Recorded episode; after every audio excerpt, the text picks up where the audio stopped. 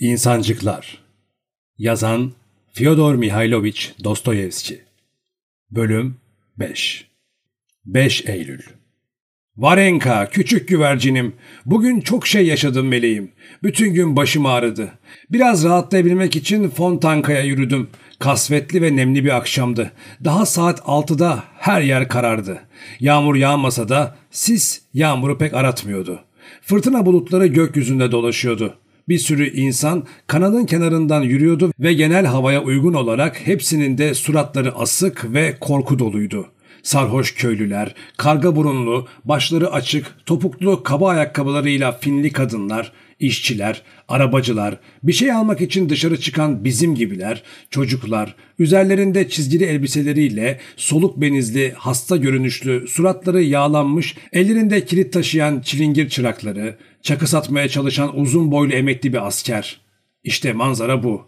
Günün bu saatinde başka insanlar görmek mümkün değil zaten. Fontanka çok işlek bir kanal. Öyle bir mavna kalabalığı var ki oraya nasıl sığabildikleri şaşılacak şey. Köprülerin üzerinde kadınlar oturmuş, ıslak ballı çörekler ve çürük elmalar satıyorlar. Hepsi de sırılsıklam ve pasaklı. Fontanka boyunca yürümek pek eğlenceli bir şey değil. Ayaklar altında ıslak kaldırım, iki tarafta uzun uzun kara evler, altta sis, üstte sis. Bugün işte böylesine hüzünlü ve kara bir akşamdı. Gorokovaya Caddesi'ne döndüğümde hava iyice kararmıştı. Fenerleri yakıyorlardı. Uzun zamandır oralara yolum düşmemişti. Ne gürültücü bir cadde. Dükkanlar, zengin mağazalar, her şey ışıl ışıl ve göz kamaştırıcı.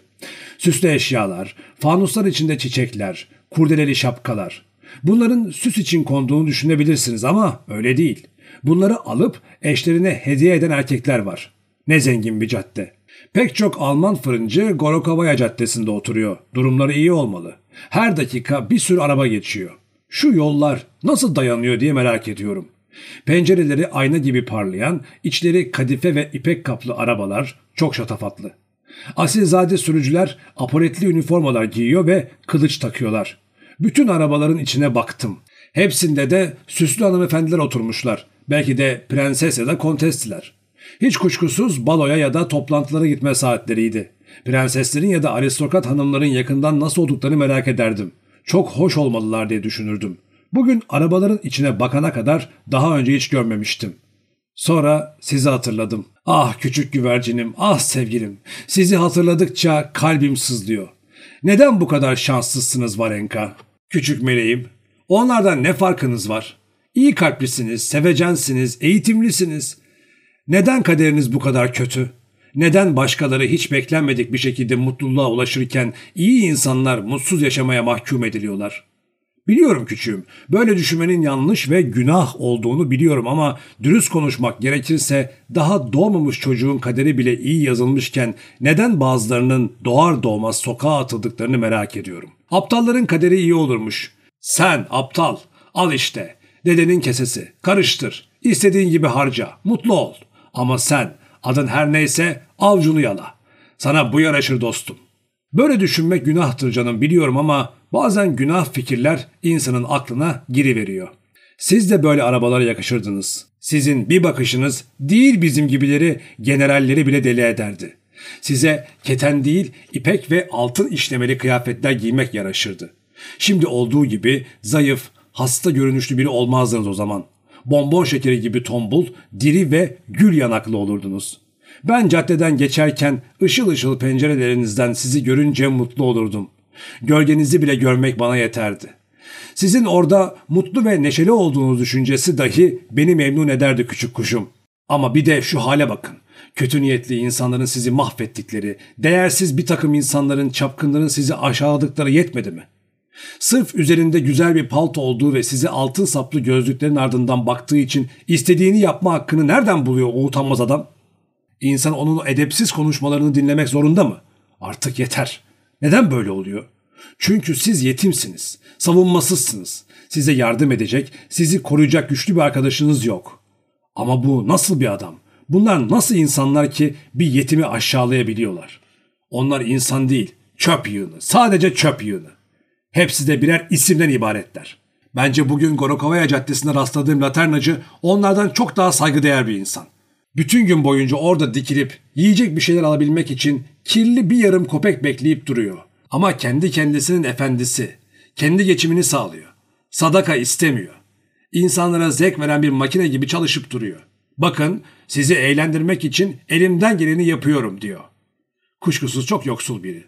Bu doğru ama onurlu bir yoksul. Yorgun ve kemikleri kadar donmuş biri. Ama yine de çalışıyor. Yaptıkları işe oranla çok az kazansalar da kimseye eğilmeyen, sadaka kabul etmeyen onurlu insanlar vardır. İşte ben de bu laternacı adam gibiyim. Tam anlamıyla onun gibi olmasam da kendimce asaletimle ona benziyorum. Elimden geldiğince çalışıyorum. Bundan fazlasını yapamıyorum. Tedavisi olmayan şeye katlanmak gerekir. Bugün fakirliğimi iki kat daha fazla hissettiğim için bu laternacıdan söz ettim canım. Onu seyretmek için durdum. Benden başka iki arabacı, bir fahişe, kirpas içinde küçük bir kız da vardı. Laternacı bir evin penceresinin önünde durmuştu. On yaşlarında bir sokak çocuğu dikkatimi çekti. Tatlı bir çocuktu ama zayıf ve hasta görünüyordu. Üzerinde bir gömlekten başka bir şey yoktu. Ayakları çıplaktı. Çocukluğuna yaraşır biçimde ağzı açık müzik dinliyordu. Alman kuklaların danslarını seyrediyordu. Kolları ve bacakları soğuktan kas katı kesilmişti. Titriyor ve gömleğinin kolunu ısırıyordu. Elinde küçük bir kağıt parçası tuttuğunu gördüm. Bir beyefendi laternacıya bozuk para attı. Para laternanın küçük bahçesinde dans eden kuklaların yanına düştü. Paranın sesiyle küçük çocuk ürktü.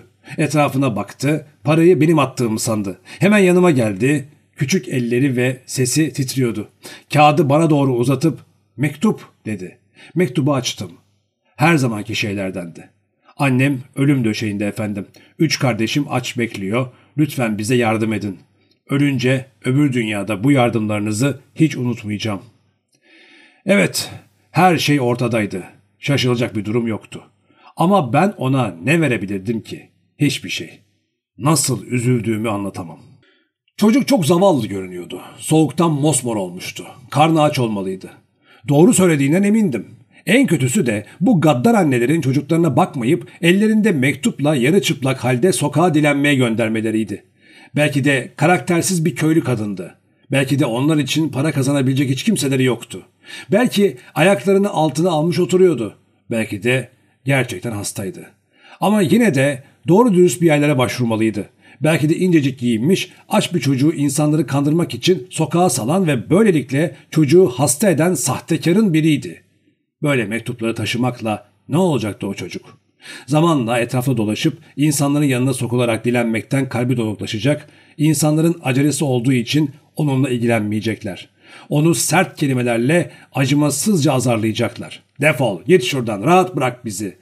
İşte herkesten bunu duyar ve kalbi donuklaşır, korkan zavallı çocuk yuvadan düşen bir yavru kuş gibi titremeye başlar.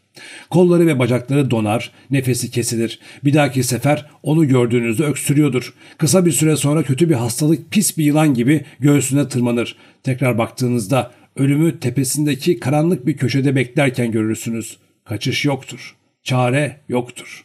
İşte hayatı budur. Hayat bazen böyledir.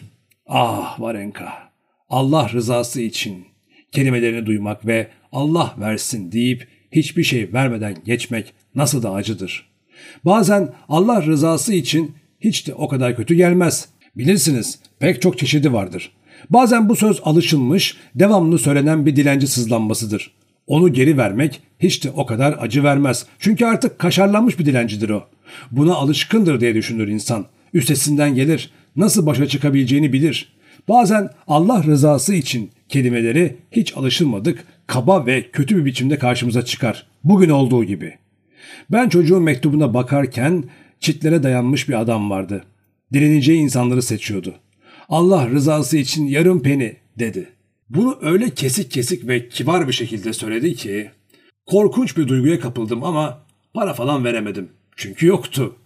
Aslına bakarsanız zenginler fakir insanların kaderleri konusunda yüksek sesle yakınmalarından hiç hoşlanmazlar. Onların kendilerini rahatsız ettiklerini, problem çıkardıklarını söylerler. Evet gerçekten de fakirlik sorundur. Belki onların karın gurultuları zenginleri uykularından uyandırır.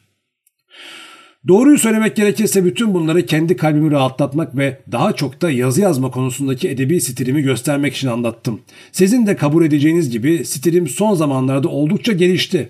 Ama bugünlerde içim çok sıkılıyor. Bu düşüncelerimi ruhumun derinliklerinde hissetmeye başladım. Bu duygunun beni hiçbir yere götürmeyeceğini gayet iyi biliyorum. Ama yine de insanın kendine hak vermesi gerektiğini inanıyorum. Bazen ortada hiçbir sebep yokken kendi kendimi aşağılıyorum. Bir saman çöpü kadar bile değerim olmadığını düşünüyorum. Bunun nedeni belki benim de sadaka isteyen o zavallı çocuk gibi aşağılanıp hor görülmüş olmamdı. Şimdi bunu size örneklerle açıklayacağım Varenka dinleyin. Bazen sabahları erken saatte aceleyle işe giderken şehrin uyanışına, yataktan kalkışına, duman saçışına, fokurdayışına bakarım. Bazen bu görüntünün karşısında kendinizi öyle küçük hissedersiniz ki sanki birisi sivri burnunuza bir fiske vurmuş gibi olur ama siz su kadar sessiz, çimen kadar alçak gönüllü yolunuza devam edersiniz ve huzurunuz bozulmaz. Şöyle bir bakın etrafınıza. Şu büyük, kara, kirli binalarda neler oluyor acaba?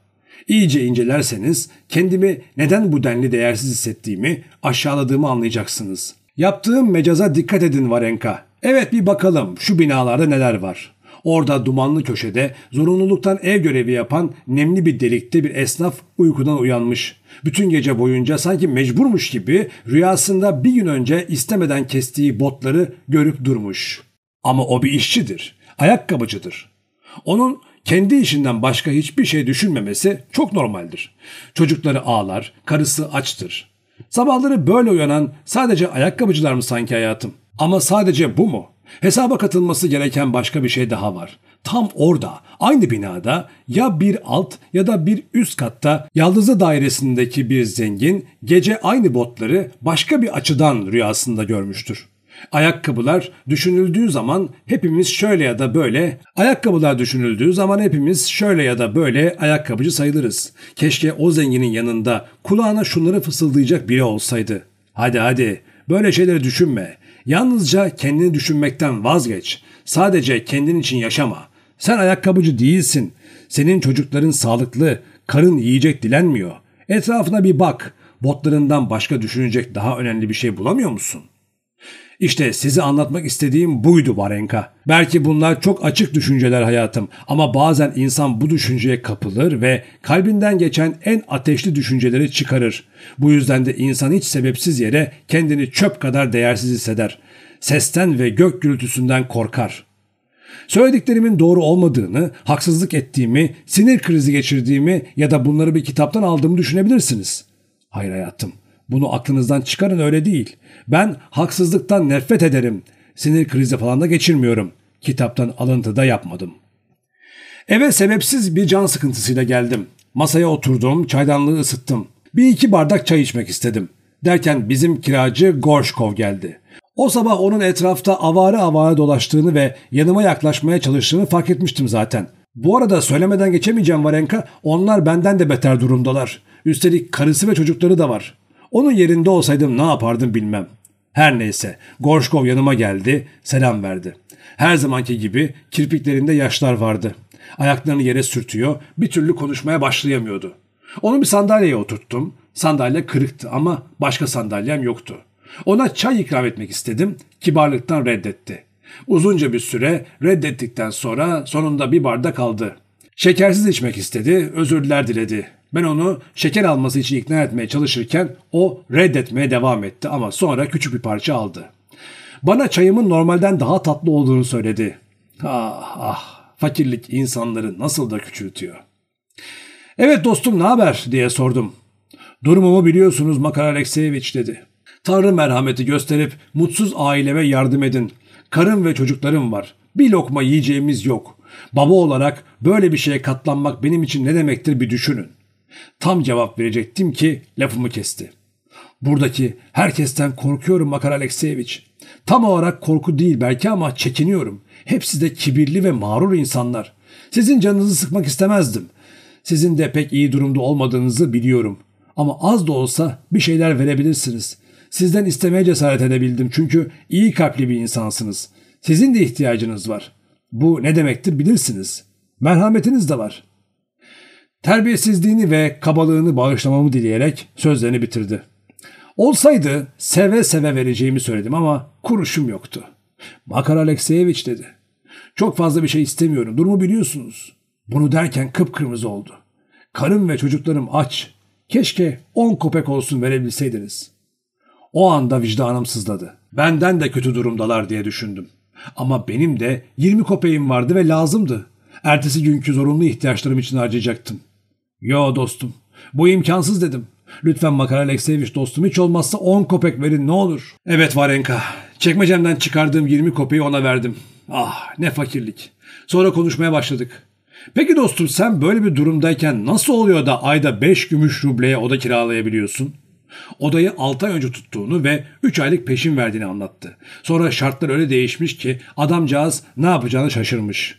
Bu durumun çoktan düzeleceğini ümit etmiş. Çok kötü bir durum. Onu mahkemeye vermişler. Hükümeti dolandırmaya çalışan bir tüccarla davalıymış. Durum ortaya çıkınca tüccar tutuklanmış. Adam Gorşkov'u da işin içine karıştırmış. Onun suçu hükümet çıkarlarını ihmal, düşüncesizlik ve dikkatsizlikmiş. Gorşkov bin türlü belayla yüz yüze gelmiş. Adını temize çıkarması biraz zor. Şerefsizlik, hırsızlık ve dolandırıcılıkla suçlanıyorum ama tamamen masumum diyor. Bu dava adını lekelemiş, işten çıkarılmış. Yasal olarak suçlu bulunmadığı halde adını tamamen temize çıkarana kadar tüccarın kendisine borçlu olduğu parayı da alamıyormuş. Ben ona inanıyordum ama mahkeme onun sözlerine kulak asmıyordu. Öyle karmaşık bir davaydı ki çözmek yüz yıllar alabilirdi. Bir düğümü çözdükleri anda tüccar bir başka derken bir başka düğüm çıkarıyordu. Gorşkov için gerçekten çok üzülüyorum hayatım. Yaşadıklarını anlayabiliyorum. İşi yok. Kötüye çıkan adından dolayı kimse onu işe almıyor. Biriktirdikleri bütün parayı da yemişler. Dava çok karışık ama bu arada yaşamaları da gerekiyor. Hiç niyetleri yokken zamansız bir anda bebekleri de olunca yeni bir masraf kapısı açılmış. Oğulları hastalanmış yine masraf. Ölmüş yine masraf. Karısı hastaymış, müzmin bir hastalığa yakalanmış. Kısacası çektikçe çekiyor adam. Birkaç gün içinde iş açısından iyi bir sonuç bekliyor. Buna hiç kuşkusu yok. Onun için çok üzülüyorum. Çok üzülüyorum Varenka. Ona şefkat gösterdim. Zavallının biri. Kendisine bakacak birine ihtiyacı var. İşte bu yüzden ona şefkat gösterdim. Şimdilik hoşça kalın canım. Tanrı sizi korusun sevgilim. Sizi düşünmek, yaralı kalbime merhem sürmek gibi bir şey. Sizin için acı çekiyorum ve bu acı bile kalbimi rahatlatıyor. Gerçek dostunuz Makar Devuşkin 9 Eylül Sevgili Varvara Alekseyevna, bu mektubu yazarken kendimde değildim. Çok kötü bir olayla hayal kırıklığına uğradım. Başım dönüyor. Sanki her şey etrafımda dönüyor gibi. Şimdi size asla tahmin edemeyeceğiniz bir şey söyleyeceğim. Ben bunu önceden düşünmediğimi söyleyemem. Bunu hissetmiştim. Geçen gece benzer bir şeyi rüyamda bile görmüştüm. Bakın ne oldu. Üsluba falan hiç aldırmadan aklıma geldiği şekilde yazıyorum. Bugün işe gittim. Oturup yazmaya başladım. Dün de yazı yazmıştım zaten Varenka. Timofeev Ivanoviç yanıma geldi ve bir belgenin çok acele lazım olduğunu söyledi. Lütfen çok dikkatli ve okunaklı yazın. Biraz acele bir iş. Bugün imzalanması gerek Makar Alekseyeviç. Dün hiç kendimde değildim meleğim. Hiçbir şey görmek istemiyordum. Böylesine bir hüzün ve sıkıntı vardı içimde. Kalbim buz gibi ruhum kapkaranlıktı. Aklımda hep siz vardınız hayatım. Ama yine de işe koyuldum. Gayet okunaklı ve net yazdım. Ama nedendir bilmem ya şeytanın işiydi ya da kaderin cilvesiydi belki de öyle olması gerekiyordu tam bir satırı atlamışım. Kim bilir ne anlamı vardı. Eminim bütün anlam bozulmuştu. Belge dün yetişmedi. Ekselanslarını imzaya bugün götürdüler. Bugün hiçbir şey olmamış gibi yine aynı saatte işe gittim ve Yemelyan Ivanoviç'in yanına oturdum. Son zamanlarda her zamankinden iki kat daha utangaç ve rahatsız biri oldum. Kimsenin yüzüne bakamıyorum. Birinin sandalyesi gıcırdayacak olsa korkudan ölüyorum. Bugün de öyleydim. Hiç sesimi çıkarmadan kirpi gibi büzülüp oturdum. Yefim Akimoviç onun gibi bir adam görülmemiştir. Herkesin duyabileceği bir şekilde ''Neden öyle korku içinde büzülmüş oturuyorsun Makar Alekseyeviç?'' dedi. Yüzünü öyle bir buruşturdu ki etrafımızda oturan herkes kahkahayı patlattı. Güldükçe güldüler. Ellerimle kulaklarımı tıkadım, gözlerimi kapattım. Orada kıpırdamadan oturuyordum. Hep böyle yaparım. Biraz sonra susacaklardı nasılsa. Birden bir takım ayak sesleri duydum. Bir telaş oldu. Dinledim. Kulaklarım beni aldatmıyorsa beni çağırıyorlardı. Beni, Devuşkin'i. Kalbim güm güm atmaya başladı. Neden bu kadar korktuğumu bilmiyordum. Tek bildiğim hayatımda hiç bu kadar korkmadığımdı. Sanki hiçbir şey olmamış, ben orada değilmişim gibi sandalyeye yapışmıştım. Ama ses gitgide yaklaşıyordu. Sonunda kulağımın dibinde çınladı. Devuşkin, Devuşkin nerede? Kafamı kaldırdım. Yestafi Ivanoviç önümde durmuş. Makar Alekseyeviç hemen ekselanslarının yanına gidin. Belgede bir hata yapmışsınız dedi. Bütün söylediği buydu. Ama yetti de arttı bile. Yetmez miydi Varenka? Uyuşmuş, donmuş ve duygusuz bir halde gittim. Ne yaptığımı bilmeden ölü gibi yürüyordum. Beni bir odaya soktular. Oradan ikinciye ve sonra da ekselanslarının çalışma odasına. Ekselanslarının huzurundaydım. O anda aklımdan geçenleri tam olarak söyleyebilmem imkansız. Ekselansları orada duruyordu. Herkes onun etrafındaydı. Selam vermedim. Herhalde unutmuşum. Dilim tutulmuştu. Orada öylece dikiliyordum. Dudaklarım ve bacaklarım titriyordu. Dilimin tutulması için nedenlerim vardı. Öncelikle kendimden utanıyordum. Sağ tarafımdaki aynaya bir baktım. Orada gördüğüm şey aklımı başımdan almaya yeterdi. İkinci olarak ben orada değilmişim gibi çalışırdım. Bu yüzden de ekselanslarının beni bilmesi imkansızdı. Belki dairede Demuşkin adında bir memur olduğunu duymuştu ama konuyla hiç ilgilenmemişti. Öfkeyle söze başladı. Yaptığınız ne demek oluyor beyefendi? Kör müsünüz? Acele bir yazı isteniyor ve siz işi berbat ediyorsunuz. Bu ne demek? Tam o anda ekselansları Yestafi Ivanoviç'e döndü. Ben sadece bazı kelimeleri seçebildim. İhmal, dikkatsizlik, başımızı derde sokacaksınız. Birden bir şey söylemek için ağzımı açma isteği duydum. Af dilemek istedim ama yapamadım. Kaçmak istedim ama cesaret edemedim. Ve sonra, sonra Varenka öyle korkunç bir şey oldu ki şu anda bile bunu yazamıyorum. Üniformamda sallanıp duran düğmelerden biri cehenneme gidesice birdenbire kopuverdi. Herhalde kazara dokunmuş olmalıyım. Şıngırdayarak yerde zıpladı, yuvarlanıp ekselanslarının ayaklarının dibinde durdu lanet olasıca. Herkes sessizce öylece duruyordu. İşte o anda kendimi affettirmek, özür dilemek, yanlışımı düzeltmek için ekselanslarına söyleyeceğim her şey siliniverdi. Asıl korkuncu daha sonra oldu. Ekselansları görünüşümle ve kıyafetimle ilgilenmeye başladı. Ben de aynada gördüklerimi hatırladım. Düğmemi almak için atıldım, pusulamı şaşırdım. Tam eğilip tutacakken düğme yine dönüp yuvarlandı. Kısacası alamadım. Böylece bir beceriklilik gösterisinde bulunmuş oldum. Sonra birden son gücümü de kaybettiğimi hissettim. Her şey bitmişti. Her şey. Adım, şerefim mahvolmuştu. Sonra durup dururken Teresa ile Failoni'nin sesleri kulaklarımı çınlamaya başladı. En sonunda düğmeyi aldım, ayağa kalktım, kendime çeki düzen verdim. Aptallık etme de hazır ol da beklesene budala. Ama yo. Sanki aynı yerde duracakmış gibi düğmeyi iple geçirmeye kalkıştım. Üstelik gülüp duruyordum. Önce ekselanslar arkasını döndü, sonra tekrar dönüp bana baktı. Yestafi Ivanoviç'e, bu da nesi? Şu haline bak. Nasıl oluyor da? Ne yapıyor öyle? Dediğini duydum. Ah sevgilim bir düşünsenize. Bu kez kendimi ele verdiğimi biliyordum. Yestafi Ivanoviç, iyi bir insandır o. Asla yanlış adım atmadı. Mükemmel davranışlar sergiler. Derecesine göre ücreti dedi. Pekala. Yine de yardım edelim dedi ekselansları. Avans falan verin. Zaten avans aldı ama görünüşe bakılırsa durumu pek iyi değil. Hep ağır davranan, sicili temiz bir adamdır. Bense yanıyordum meleğim. Cehennem ateşinde yanıyordum. Ölüyordum. Pekala, dedi ekselansları yüksek sesle. Belgenin tekrar yazılması gerek. Devuşkin, buraya gelin ve tekrar yazın. Bu kez hata istemem. Dinleyin bir dakika. O anda ekselansları ötekilere döndü ve bir sürü emirler verdi. Hepsi dağıldı. Onlar gider gitmez ekselansları cüzdanını aldı ve 100 ruble çıkardı. Alın bunu dedi. Kusura bakmayın. Dilediğiniz gibi harcayın. Sonra parayı elime sıkıştırdı. Şoka girdim meleğim. Bütün bedenim titredi. Bana ne oldu bilmem. Ellerini öpmek istedim. Adamcağız kıpkırmızı oldu. En küçük bir abartmam yok inanın. Benim değersiz elimi tutup sanki onun dengiymişim gibi tokalaştı. Şimdi gidebilirsiniz dedi. Elimden gelen bu ama artık hata istemem. Bu sefer ucuz atlatabildik. Şimdi bir karara vardım meleğim. Artık sizin ve Fedora'nın eğer çocuklarım olsaydı onlardan da aynı şeyi yapmalarını isterdim. Bundan sonra hayatınız boyunca babanız için değil, ekselansları için dua etmenizi istiyorum.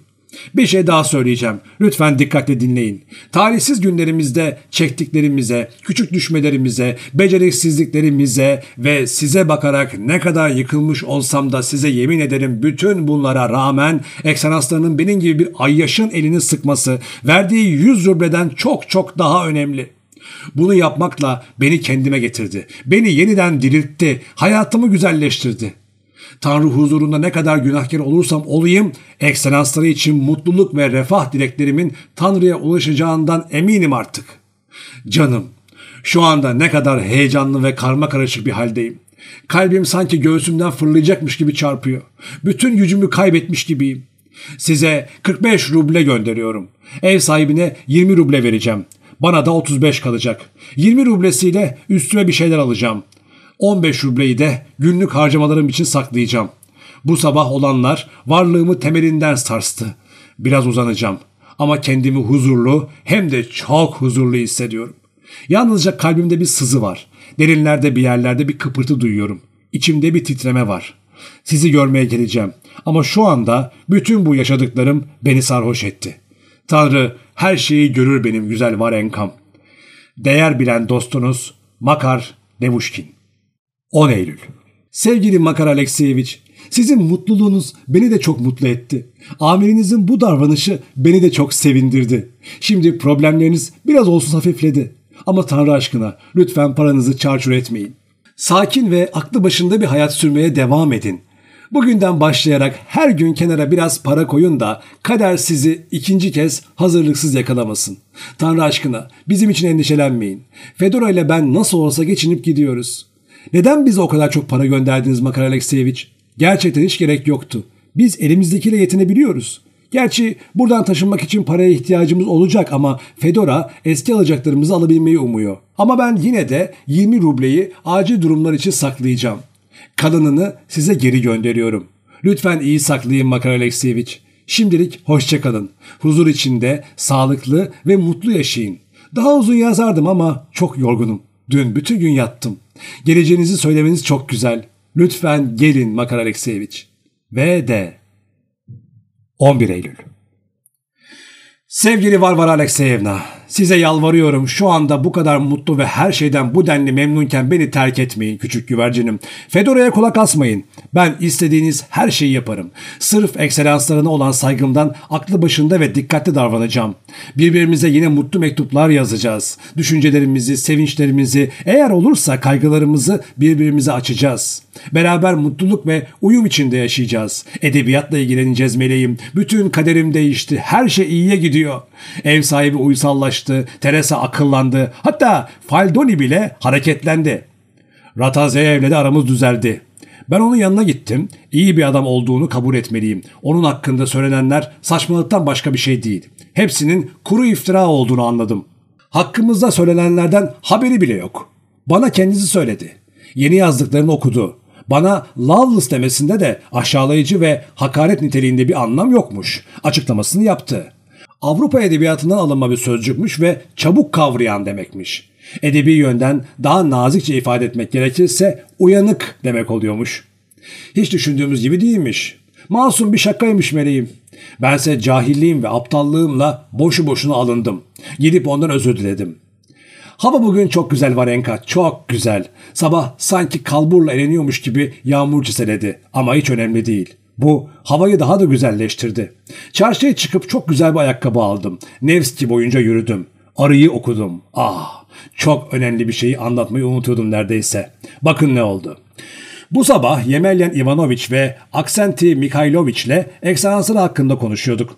Biliyorsunuz Valenka, onun cömert davrandığı kişi sadece ben değilim. Sadece bana iyilik yapmıyormuş. Her yerde iyi kalpliliğiyle tanınıyor.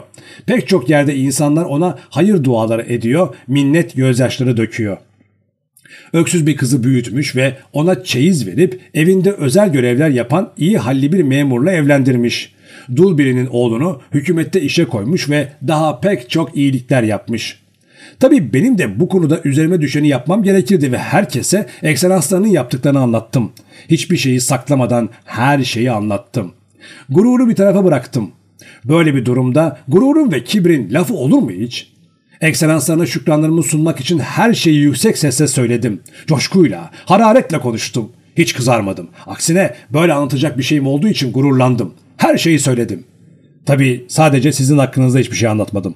Ev sahibimi, Faldoni'yi, Ratazyayev'i, Markov'u, ayakkabılarımı her şeyi söyledim. Bazıları birbirlerine bakıp güldüler. Aslında hepsi gülümsedi.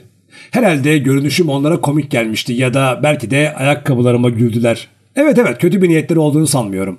Gençliklerine verdim. Belki de varlıklı insanlar oldukları içindi. Anlattıklarıma kötü niyetle güldüklerine hiç ihtimal vermiyorum.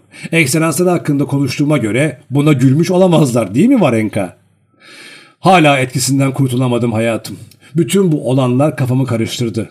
Yakacak odununuz var mı? Sakın soğuk almayasınız Varenka. Çok çabuk hastalanıyorsunuz. Hüzünlü düşüncelerinizle beni öldüreceksiniz küçüğüm. Tanrı'ya sizin için yalvarıyorum. Yün çoraplarınız ve kalın çamaşırınız var mı? Lütfen kendinize dikkat edin güvercinim. Bir şeye ihtiyaç duyacak olursanız Tanrı aşkına beni üzmeyin. Doğru bana gelin. Artık kötü günler geride kaldı. Benim için endişelenmeyin. Önümüzde parlak ve mutlu bir gelecek var. Evet, kötü günler yaşadık Varenka. Ama boş verin. Hepsi geçti artık. Yıllar geçecek ve o günleri bile anacağız. Gençlik günlerimi hatırlıyorum da cebimde beş para olmadığı halde mutluydum. Hep üşürdüm ve açtım ama neşeliydim. Sabah Nevski boyunca yürürdüm. Güzel bir yüz görünce bütün gün mutlu olurdum. O günler harika günlerdi sevgilim. Yaşamak ne güzel var Enka. Özellikle de Petersburg'da. Kötü günlerinde işlediğim günahları, hoşnutsuzluğumu, açık fikirlerimi, içkimi, ümitsizliğimi bağışlaması için dün Tanrı'ya yalvarıp pişmanlık gözyaşları döktüm. Dualarımda sizi de unutmadım. Beni destekleyen, teselli eden, öğütler veren yalnız sizdiniz meleğim. Bunları asla unutmam. Bugün yazdığınız bütün mektupları öptüm güvercinim. Şimdilik hoşçakalın küçüğüm. Yakınlarda bir yerlerde giyecek satıldığını duydum. Gidip bakacağım. Hoşçakalın meleğim. Hoşçakalın. Sadık dostunuz Makar Devuşkin 15 Eylül Sevgili Makar Alekseyevich, bugün korkunç kederliyim. Bakın ne oldu. Çok önemli bir ölseziye kapıldım. Anlatınca kendiniz karar verin sevgili dostum. Bay Bayko Petersburg'a gelmiş. Fedora ona rastlamış. Arabayla giderken Fedora'yı görünce arabayı durdurmuş ve Fedora'nın yanına gelip nerede oturduğunu sormuş. Fedora önce söylemek istememiş. Sonra yüzünde imalı bir gülüşle kiminle beraber oturduğunu bildiğini söylemiş. Belli ki Anna Fyodorovna her şeyi anlatmış ona. Fedora da dayanamayıp oracıkta onu azarlamış. Sokak ortasında ona ahlaksız bir adam olduğunu, benim mutsuzluğumun tek suçlusunun kendisi olduğunu yüzüne vurmuş. O da cebinde tek kuruşu olmayanların mutsuzluğa mahkum olduğunu söylemiş. Fedora da benim hayatımı kazanabileceğimi, hatta evlenebileceğimi, evlenmesem de bir iş bulabileceğimi ama şimdi bütün mutluluğumun bittiğini, hasta olduğumu, yakında öleceğimi söylemiş. O da daha çok genç olduğumu ve kafamda bir sürü saçma fikir olduğunu ve kendi deyimiyle erdemlerimizi yavaş yavaş yitirmeye başladığımızı belirtmiş. Fedora ile ben oturduğumuz yeri bildiğini sanmıyorduk ama dün alışveriş için Gostini Divor'a gittiğimde odamıza gelmiş.'' Benimle karşılaşmak istememiş herhalde. Fedora ile yaşantımızla ilgili sorular sorup durmuş. Eşyalarımıza bakmış, el işimi incelemiş ve sonunda arkadaşlık ettiğiniz o memur kimdi diye sormuş. Tam o sırada siz avludan geçiyormuşsunuz. Fedora sizi göstermiş. O da size bakıp imalı imalı gülümsemiş. Fedora gitmesi için yalvarmış. Benim sıkıntıdan hasta olduğumu ve onu odamızda görünce daha da kötü olacağımı söylemiş. Bir süre hiç sesini çıkarmamış. Sonra öylesine uğradığını söyleyip Fedora'ya 25 ruble vermeye çalışmış ama Fedora kabul etmemiş. Kabul etseydi ne anlam çıkarılırdı?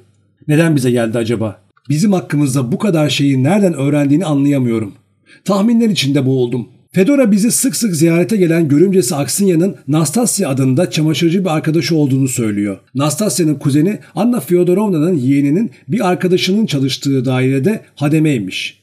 Belki de etrafta çok kötü dedikodular dolaşıyordur. Tabi Fedora yanılıyor olabilir ama ne düşüneceğimizi bilemiyoruz. Acaba tekrar gelecek mi? Bu düşünce beni korkutuyor. Fedora dün bunları bana anlatınca neredeyse korkudan bayılacaktım. Daha ne istiyor? Artık onu görmek ve tanımak istemiyorum. Benim gibi bir zavallıyla ne işi olabilir? Ah, öyle korkuyorum ki sanki her an tekrar gelecekmiş gibi hissediyorum. Bana ne olacak? Daha yaşamadığım neler var acaba? Tanrı aşkına Makar Alekseyevich bize gelin. Tanrı aşkına lütfen gelin. VD 18 Eylül Sevgili Varvara Alekseyevna, bugün burada dayanılmaz derecede üzücü, anlaşılmaz ve hiç beklenmedik bir olay oldu. Bizim zavallı Gorshkov, bunu söylemeliyim, adını tamamen temize çıkardı. Dava bir süre önce tamamlandı. Bugün kararı almaya gitti.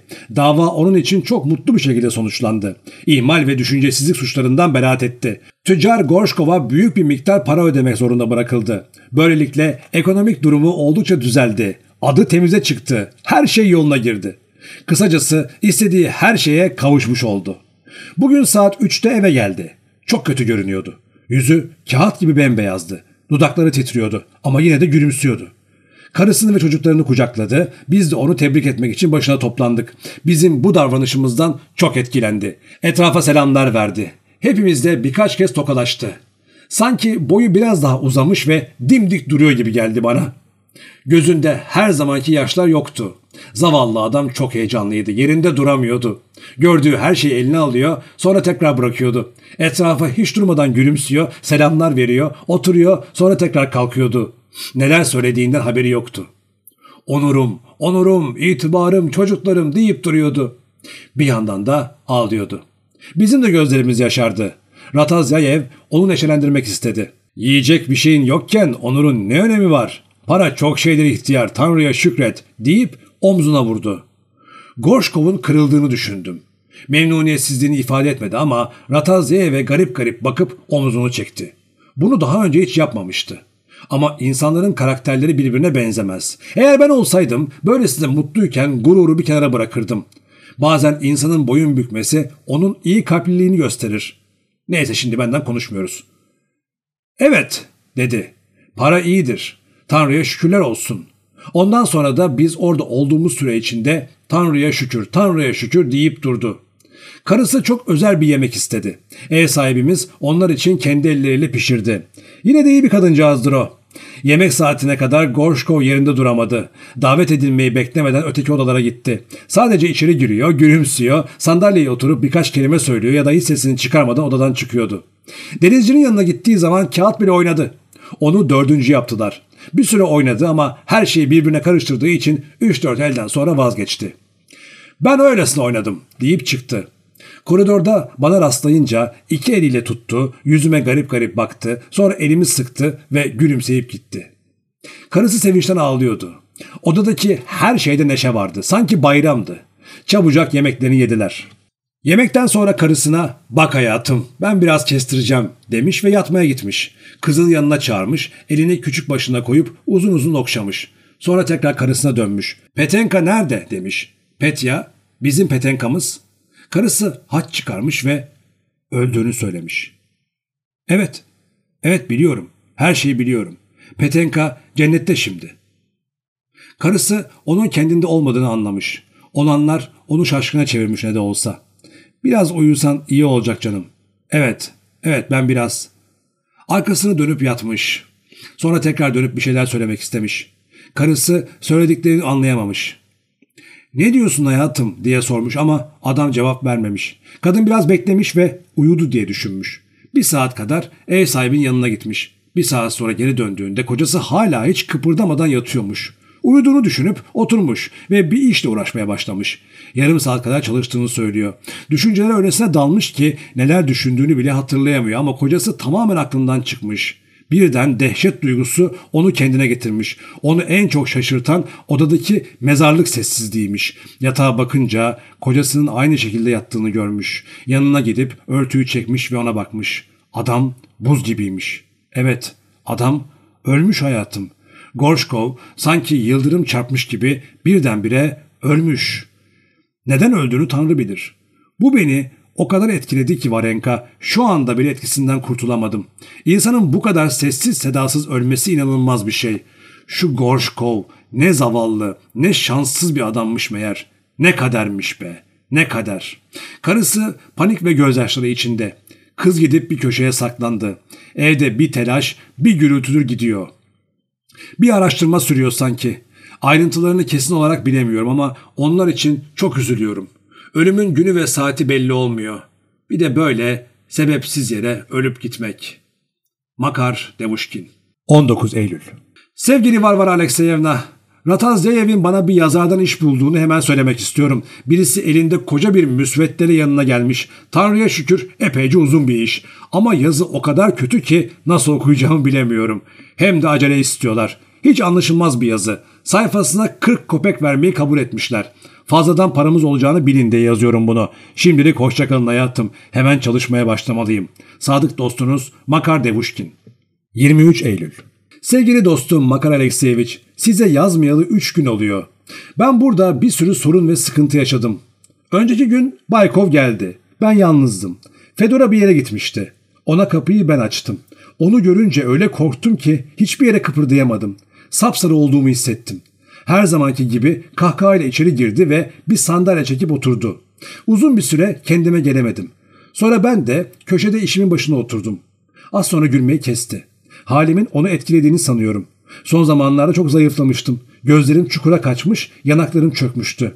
Kağıt gibi bembeyazdım. Geçen yıldan beri beni görmeyen birinin tanıyabilmesi çok zordu. Gözünü dikip uzun uzun baktı ve sonra yine neşelendi. Bir şeyler söyledi. Cevap olarak ne söylediğimi hatırlamıyorum ama tekrar gülmeye başladı. Odamda bir saat kadar oturdu, konuştu, bana bir şeyler sordu. Sonunda gitmeden önce elimi tuttu ve aynen şöyle söyledi.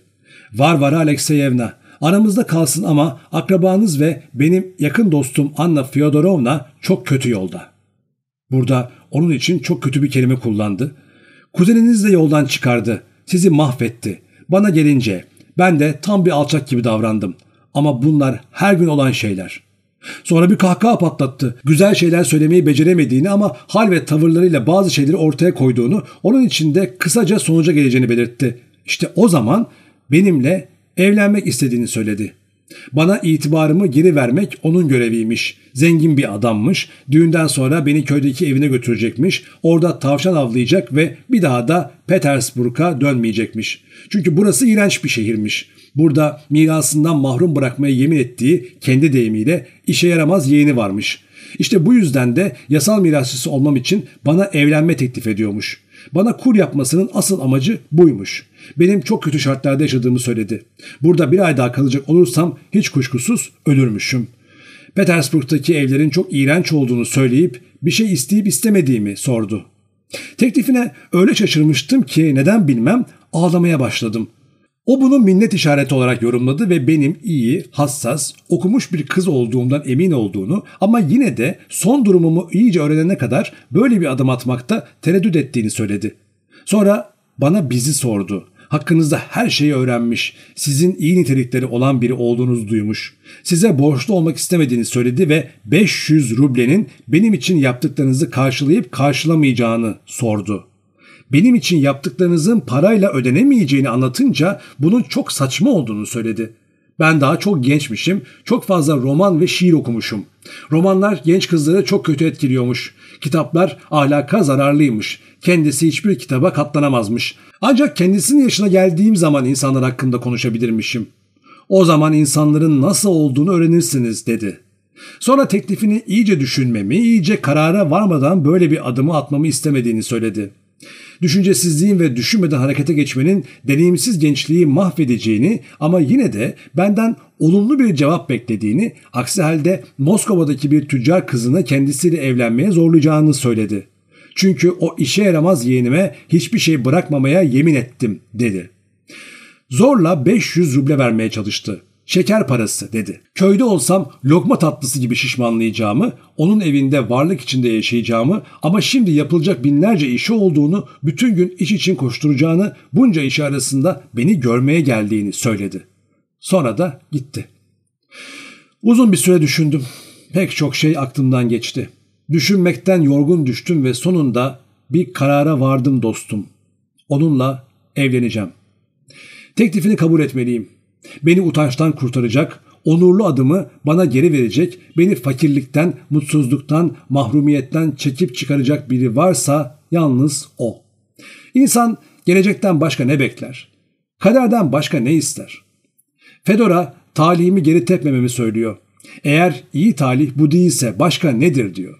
Kendim için başka bir yol göremiyorum sevgili dostum. Ne yapabilirim? Böyle çalışmakla sağlığımı kaybedeceğim. Hep böyle çalışamam. Hizmetçi mi olayım? Utancımdan ölürüm. Zaten kimseye de yararım dokunmaz. Ben doğuştan hastayım. Yakında herkese yük olmaya başlarım. Kuşkusuz gideceğim yer cennet değil ama ne yapayım? Başka şansım var mı?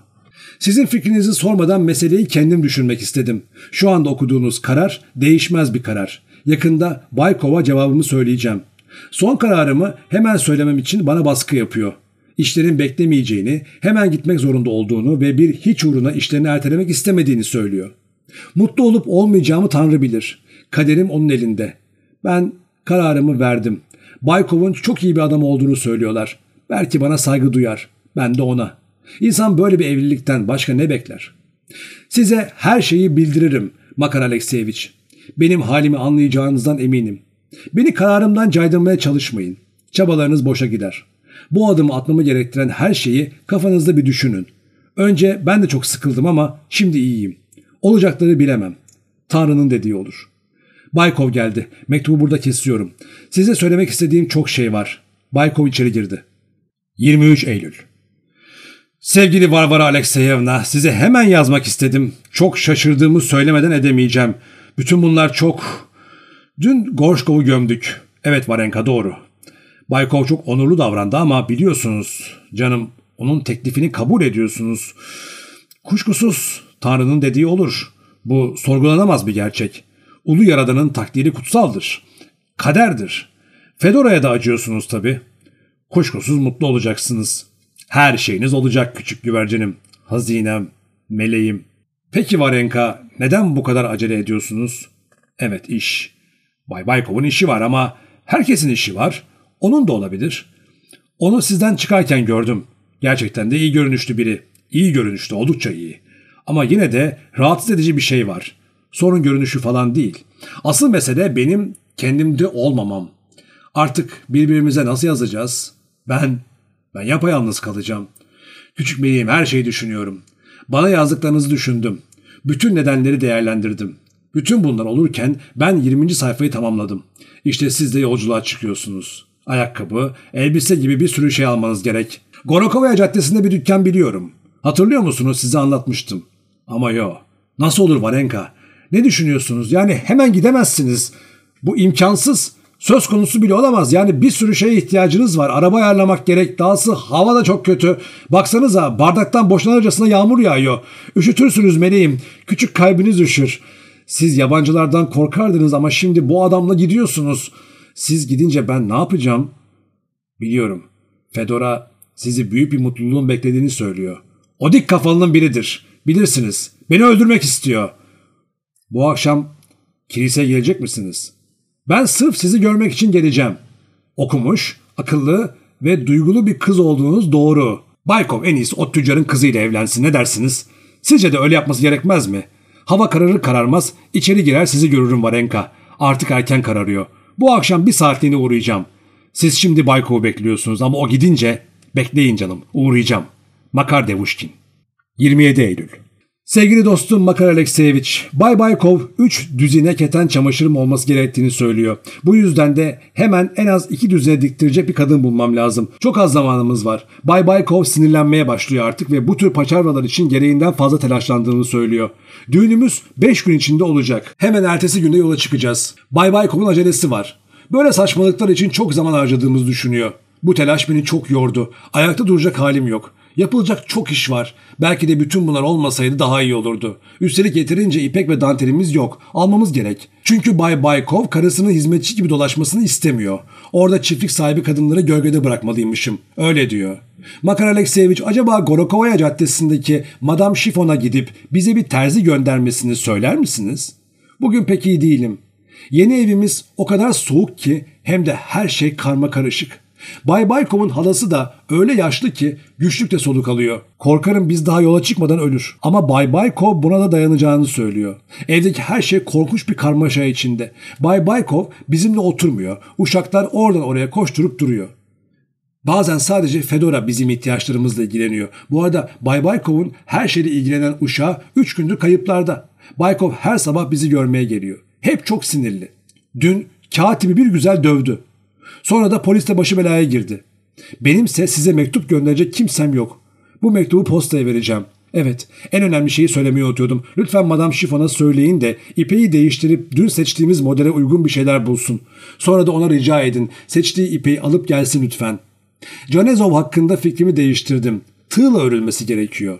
Ayrıca mendillerin üzerindeki harfler kasnakta işlenmeli. Anladınız mı söylediklerimi? Kasnakta olacak. Sarma olmayacak. Sakın unutmayın kasnak. Ha bir şey daha var neredeyse unutuyordum. Lütfen ona söyleyin. Pelerin üzerindeki yapraklar kabartılı dikilecek. Asma dalları ve dikenler aplik olacak. Sonra yakasında da dantel ya da geniş bir farbala olmalı. Lütfen bunları da ona söylemeyi unutmayın Makar Alekseyevich. VD Not sizi işlerimle uğraştırdığım için çok utanıyorum. Önceki günde bütün gün bu işler için koşuşturdunuz. Ama ne yapabilirim? Ev karma karışık. Ben de pek iyi değilim. Lütfen bana kızmayın Makar Alekseyevich. Çok perişan haldeyim. Ne olacak halim benim sevgili dostum Makar Alekseyevich? Geleceği düşünmeye bile korkuyorum. Olacakları tahmin edebiliyorum ve sersemlemiş durumdayım. Tanrı aşkına size söylediklerimi unutmayın. Bir hata yapmanızdan korkuyorum. Unutmayın sarma değil, kasnakta. 27 Eylül Sevgili Varvara Alexeyevna, bütün söylediklerinizi dikkatle yaptım. Madame Chiffon zaten kasnakta yapmayı düşünmüş. Daha uygun olur gibi bir şeyler söyledi. Doğru dürüst anlayamadım. Farbala'dan söz ediyordunuz. O da o konuda bir şeyler söyledi ama ne olduğunu unuttum. Bir sürü şey söyledi. Korkunç bir kadın. Neyse, her şeyi size kendisi anlatacak. Ben çok perişanım hayatım. Bugün işe gitmedim. Ama sakın bunun için üzülmeyin. Sizin için her yere gitmeye hazırım. Geleceği düşünmekten korktuğunuzu yazmışsınız. Bu akşam 7'de rahatlayacaksınız. Madame Chiffon kendisi gelecek. Lütfen canınızı sıkmayın. Hep en iyisini düşünün. Her şey düzelecek. Bekleyin, göreceksiniz. Ah şu farbalalar. Hiç aklımdan çıkmıyor. Hemen size uğramalıyım hayatım. Mutlaka uğramam gerek. Bir iki kere kapınıza kadar geldim ama Bayko hep orada. Böyle sinirli bir insan benim için ne düşünür? Gelmem pek doğru olmaz. Neyse, boş verin. Makar Devuşkin 28 Eylül Sevgili Makar Alekseyevich, Tanrı aşkına lütfen kuyumcuya gidip inci ve zümrüt küpeleri yapmamasını söyleyin. Bay Bayko bunların çok gösterişli ve pahalı olduğunu söylüyor. Çok sinirli bir insan. Büyük masraflar çıkardığımızı, onu soyduğumuzu söyleyip duruyor. Bu kadar masraflı olacağını bilseymiş bunlara hiç kalkışmazmış. Düğün olur olmaz hemen gidecekmişiz. Misafir falan kabul etmeyip dansa ya da balolara gitmeyecekmişiz. Noel'e daha çok varmış. Böyle diyor. Tanrı biliyor ya ben bunları istemiyorum zaten. Hepsini Bay Baykov ısmarladı. O kadar sinirli ki ona cevap vermiyorum. Ne olacak benim halim? VD 28 Eylül Var var Alexeyevna canım. Ben e, yani kuyumcu e, olur dedi. Çok hasta olduğumu ve yataktan kalkamadığımı söylemeliyim. Böylesine önemli işler varken soğuk almanın sırası mıydı? Lanet olası. Bu da yetmiyormuş gibi ekselansları korkunç öfkeli. Yemelyan Ivanoviç'e çok kızdı, bağırdı. Zavallı adam neredeyse korkudan ölecekti. Görüyorsunuz ya size her şeyi yazıyorum. Bir şey daha yazmak istiyordum ama sizi sıkmaktan korkuyorum. Ne de olsa ben akılsız ve basit bir adamım. Aklıma her geleni yazıyorum. Belki de siz... Neyse boş verin. Bakar Devuşkin. 29 Eylül. Varvara Alekseyevna sevgilim. Bugün Fedora'yı gördüm. Yarın evleneceğinizi söyledi. Öbür günde gidiyormuşsunuz. Baykov atları kiralamış bile. Size ekselanslarının davranışından söz etmiştim. Bir şey daha oldu. Gorokovaya Caddesi'ndeki dükkandan gelen faturaları kontrol ettim. Hepsi doğru ama her şey çok pahalı. Peki Baykov neden size kızıyor? Canınız sağ olsun meleğim. Eğer siz mutlu olursanız bu bana yetecek. Kiliseye gelecektim ama ağrılarım çok. Ben mektuplarınız için endişeleniyorum. Kim götürüp getirecek? Evet, siz her zaman Fedora'nın dostu ve koruyucusu oldunuz. Çok iyi bir şey yaptınız dostum. Az şey değil. Çok iyi bir şey. İyilikler karşılıksız kalmaz.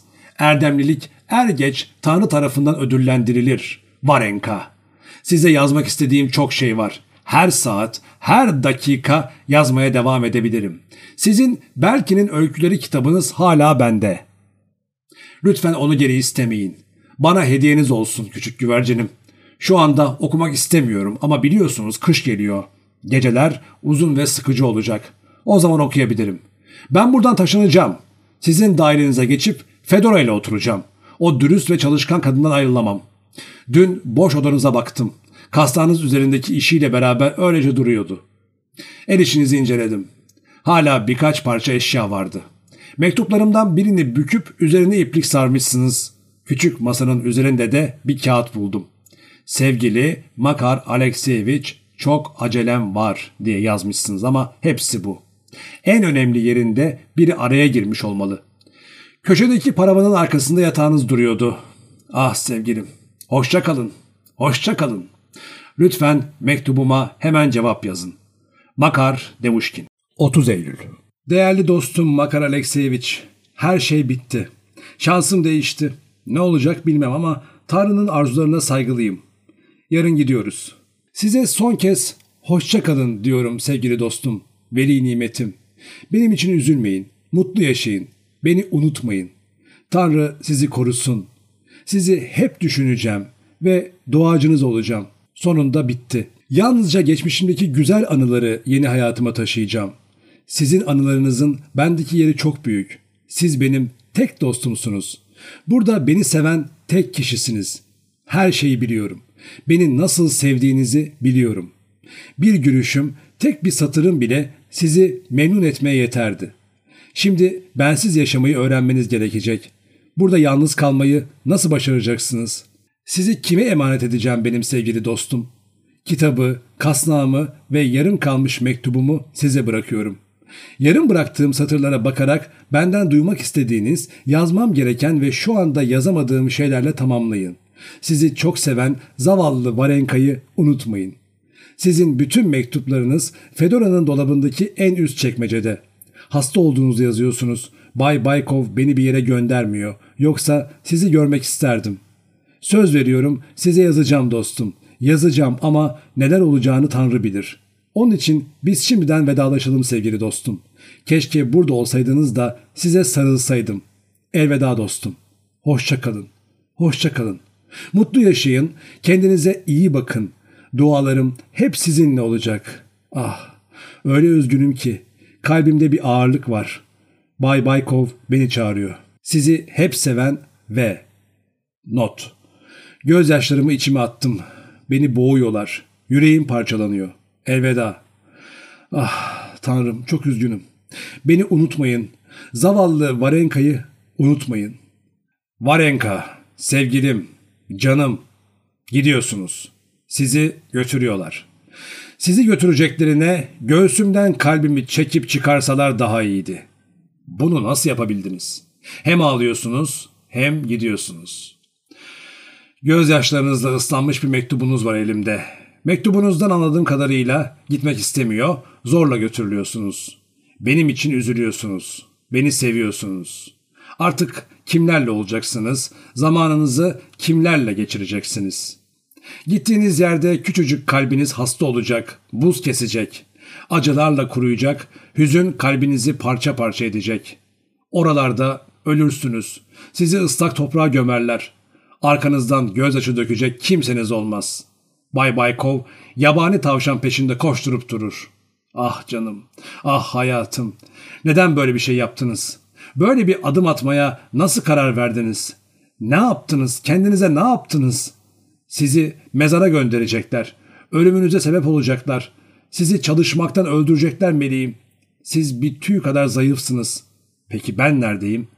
Benim gözlerim neredeydi? Ne aptalım. Nasıl oluyor da ateşlenmiş bir çocuğun saçmalamalarına kulak asmadım? Tek yapacağım. Ama yo ben aptalım. Hiçbir şey düşünemedim. Hiçbir şey göremedim. Sanki bütün bunlar olması gereken şeylerdi. Sanki benimle hiçbir ilgisi yoktu. Hep dantellerin, farbalaların peşinde koştum. Hayır Varenka.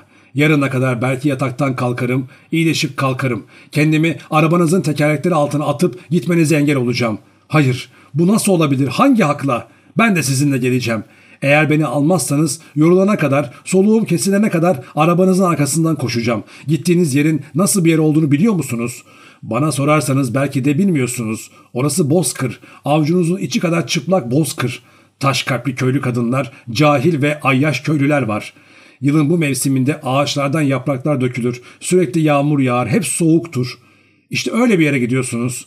Bay Baykov'un orada ilgileneceği işleri olacak. Yabani tavşan avlayacak. Peki siz ne yapacaksınız? Belki de bir çiftçinin karısı olmak istiyorsunuz. Ama küçük meleğim kendinize bir bakın. Öyle birine benziyor musunuz? Bir düşünsenize. Böyle bir şey olabilir mi Varenka? Ben kime yazacağım sevgilim? Evet, bunu bir düşünün. Kendinize bir sorun. Mektuplarını kime yazacak? Kime sevgi sözcükleri söyleyeceğim? Sizi nereden bulacağım meleğim? Ölürüm Varenka. Kesinlikle ölürüm.